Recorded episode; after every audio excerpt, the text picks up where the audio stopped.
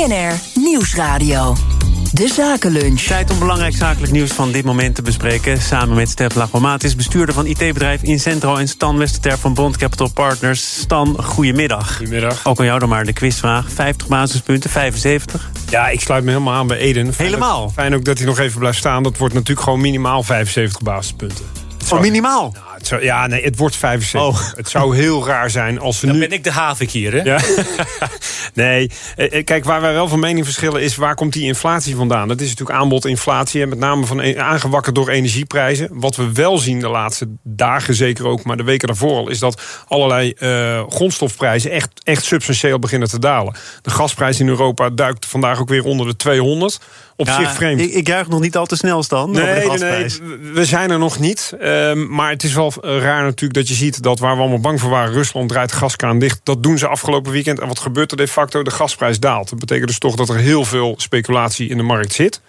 Um, en, uh, maar ook de olieprijs, ook de koperprijs al langer gedaald. Wat normaal een, een leading indicator is voor economische activiteit. Dus je kan ervan uitgaan uh, in Europa dat die recessie eraan gaat komen.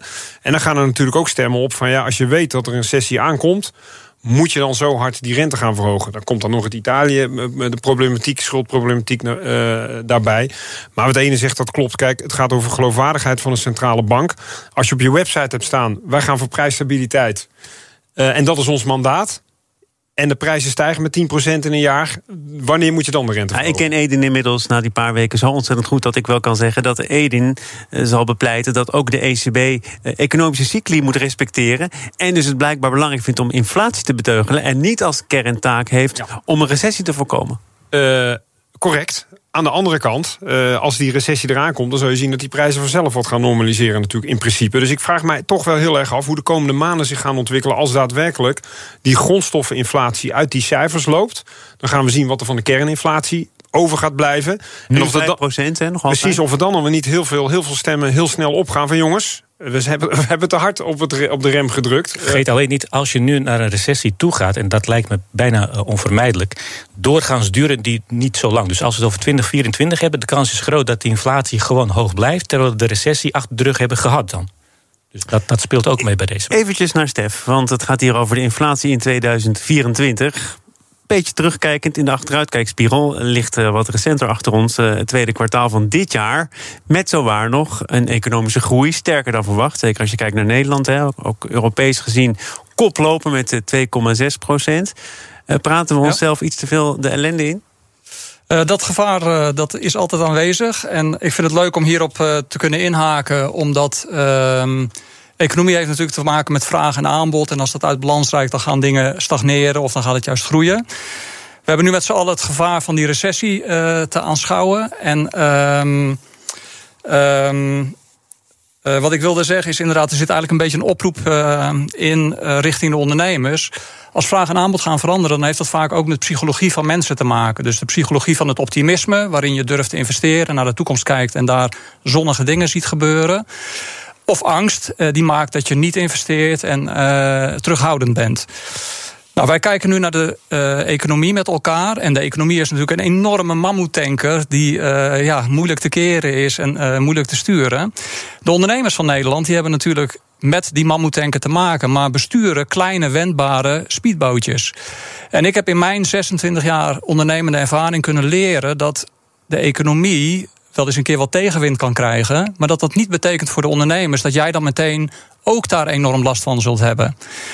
Economie heeft te maken met uh, psychologie en met hoe mensen daarnaar kijken. Dus als we met elkaar optimistisch kunnen blijven. Dan uh, kunnen we die self-fulfilling prophecy van die recessie misschien ook al een klein ah, beetje. Ja, je kunt wel zeggen dat het nou Edin, Edin en komt dit is, bocht in. Dit is nou precies waarom de ECB moet laten zien dat ze het echt meent als ze zeggen dat ze inflatie wil aanpakken. Want als een ondernemer wil investeren in de toekomst, die kijkt naar hoe uh, groot is de onzekerheid. Want de onzekerheid is er altijd. Ja. Maar als die onzekerheid buitensporig hoog is, dan kan het gevolg nu zijn dat hij wat minder investeert. Want je weet niet wat de inflatie zal doen over een paar jaar. Je weet dus ook niet wat de rentestanden zullen zijn. Je weet niet wat de loonstijgingen zullen zijn. Je weet niet wat de koopkracht zal zijn. Dat soort onzekerheden kun je voor een groot deel eruit halen als ECB door nu te zeggen ook als het impopulaire maatregelen zijn, wij nemen die met het oog op die toekomst. En daardoor maak je het mogelijk dat die ondernemer, ondanks alle ellende om ons heen, vooruitkijkend, wel degelijk optimistisch kan, Kan. zijn en investeert. Nou ja, en, en als aanvulling een, een stabiel politiek landschap. Ik bedoel, eh, de derde dinsdag komt eraan. Als we ook nog eens lastenverzwaringen voor de ondernemers en de bedrijven gaan krijgen, dan is dat nou niet echt eh, een positief signaal voor het sentiment, denk ik. Dat zal eh, het optimisme niet ondersteunen. Nee, Nee, nee, dat absoluut ben ik zeker met je eens. We laten Nederland even achter ons voor, eh, voor China. De aandelen Tencent ter waarde van 7,6 miljard dollar zijn verschenen in het clearingsysteem van de beurs van Hongkong. Stan, eh, dat klinkt allemaal een beetje cryptisch, maar Ja. eh, ze staan te koop. Nou ja, daar komt het eigenlijk wel op neer. Ja. Ik bedoel, eh, normaal liggen die dingen bij wijze van spreken ergens in een kluis. Eh, die worden nu gedigitaliseerd, waardoor ze zichtbaar worden in het systeem. En wij kennen maar één eh, aandeelhouder eigenlijk die zo'n belang zou kunnen willen verkopen. En dat is het, eh, het ne- in Nederlands genoteerde Prozus natuurlijk. Met de Nederlandse CEO. Met de Nederlandse CEO, Bob van Dijk, ja precies. En eh, ja, wat is nou het probleem van Prozus en Tencent? Hier natuurlijk ook al vaker besproken... is dat er zo'n enorme discount zit in de waardering van Prozus... ten opzichte van het belang wat zij in het Chinese Tencent hebben... dat ze er alles aan proberen te doen om dat gat eh, te dichten. Eh, daar hoort onder andere bij het eh, inkoop van eigen aandelen... allerlei moeilijke structuren met de moedermaatschappij Nespers in Zuid-Afrika... maar ook het verkopen, afstoten van plukjes Tencent. Dat hebben ze in het verleden al vaker gedaan. Ja, want wat die 7,6 miljard dollar, om eventjes de omvang van Tencent aan te geven, dat is nog altijd een plukje. Ja, ja, dat is 2 procent. Tencent is op dit moment bij een kleine 400 miljard dollar waard op de beurs. Het was het dubbele overigens een, een half jaar geleden. Dus ze hebben ook al een keer eerder een belang verkocht voor ruim 10 miljard. Ook iets meer dan, eh, of ook rond de 2 Maar procent. Is dit dan, als je dat zegt hè, en, en de koersontwikkeling in de gaten houdt, is dit dan nog altijd wel een goed moment om dat plukje Nou, en, te brengen? en dan, dat is een interessante vraag, want dat komt er natuurlijk op neer. Wat gaan ze doen met dat geld? We weten al dat Prozus eh, iFood van eh Just Eat Takeaway dat belang in Brazilië wil eh, kopen voor, wat is het, anderhalf miljard even uit mijn hoofd. Exclusief nog eh, eh, variabele beloning. Ehm, maar als je kijkt naar andere sectoren waarin ze actief zijn, hè, bijvoorbeeld eh, food delivery, maar ook eh, eh, digitale educatie, eh, fintech, dat soort zaken, dan zijn er natuurlijk heel veel bedrijven die afgestraft zijn het afgelopen jaar, waardoor het voor Prozus juist wel eens interessant zou kunnen zijn om niet alleen inkoop eigen aandelen te doen, maar ook daar een beetje te gaan cherrypicken. Dus ik denk dat het wel een, eh, een verstandige keuze is van, eh, van de CEO.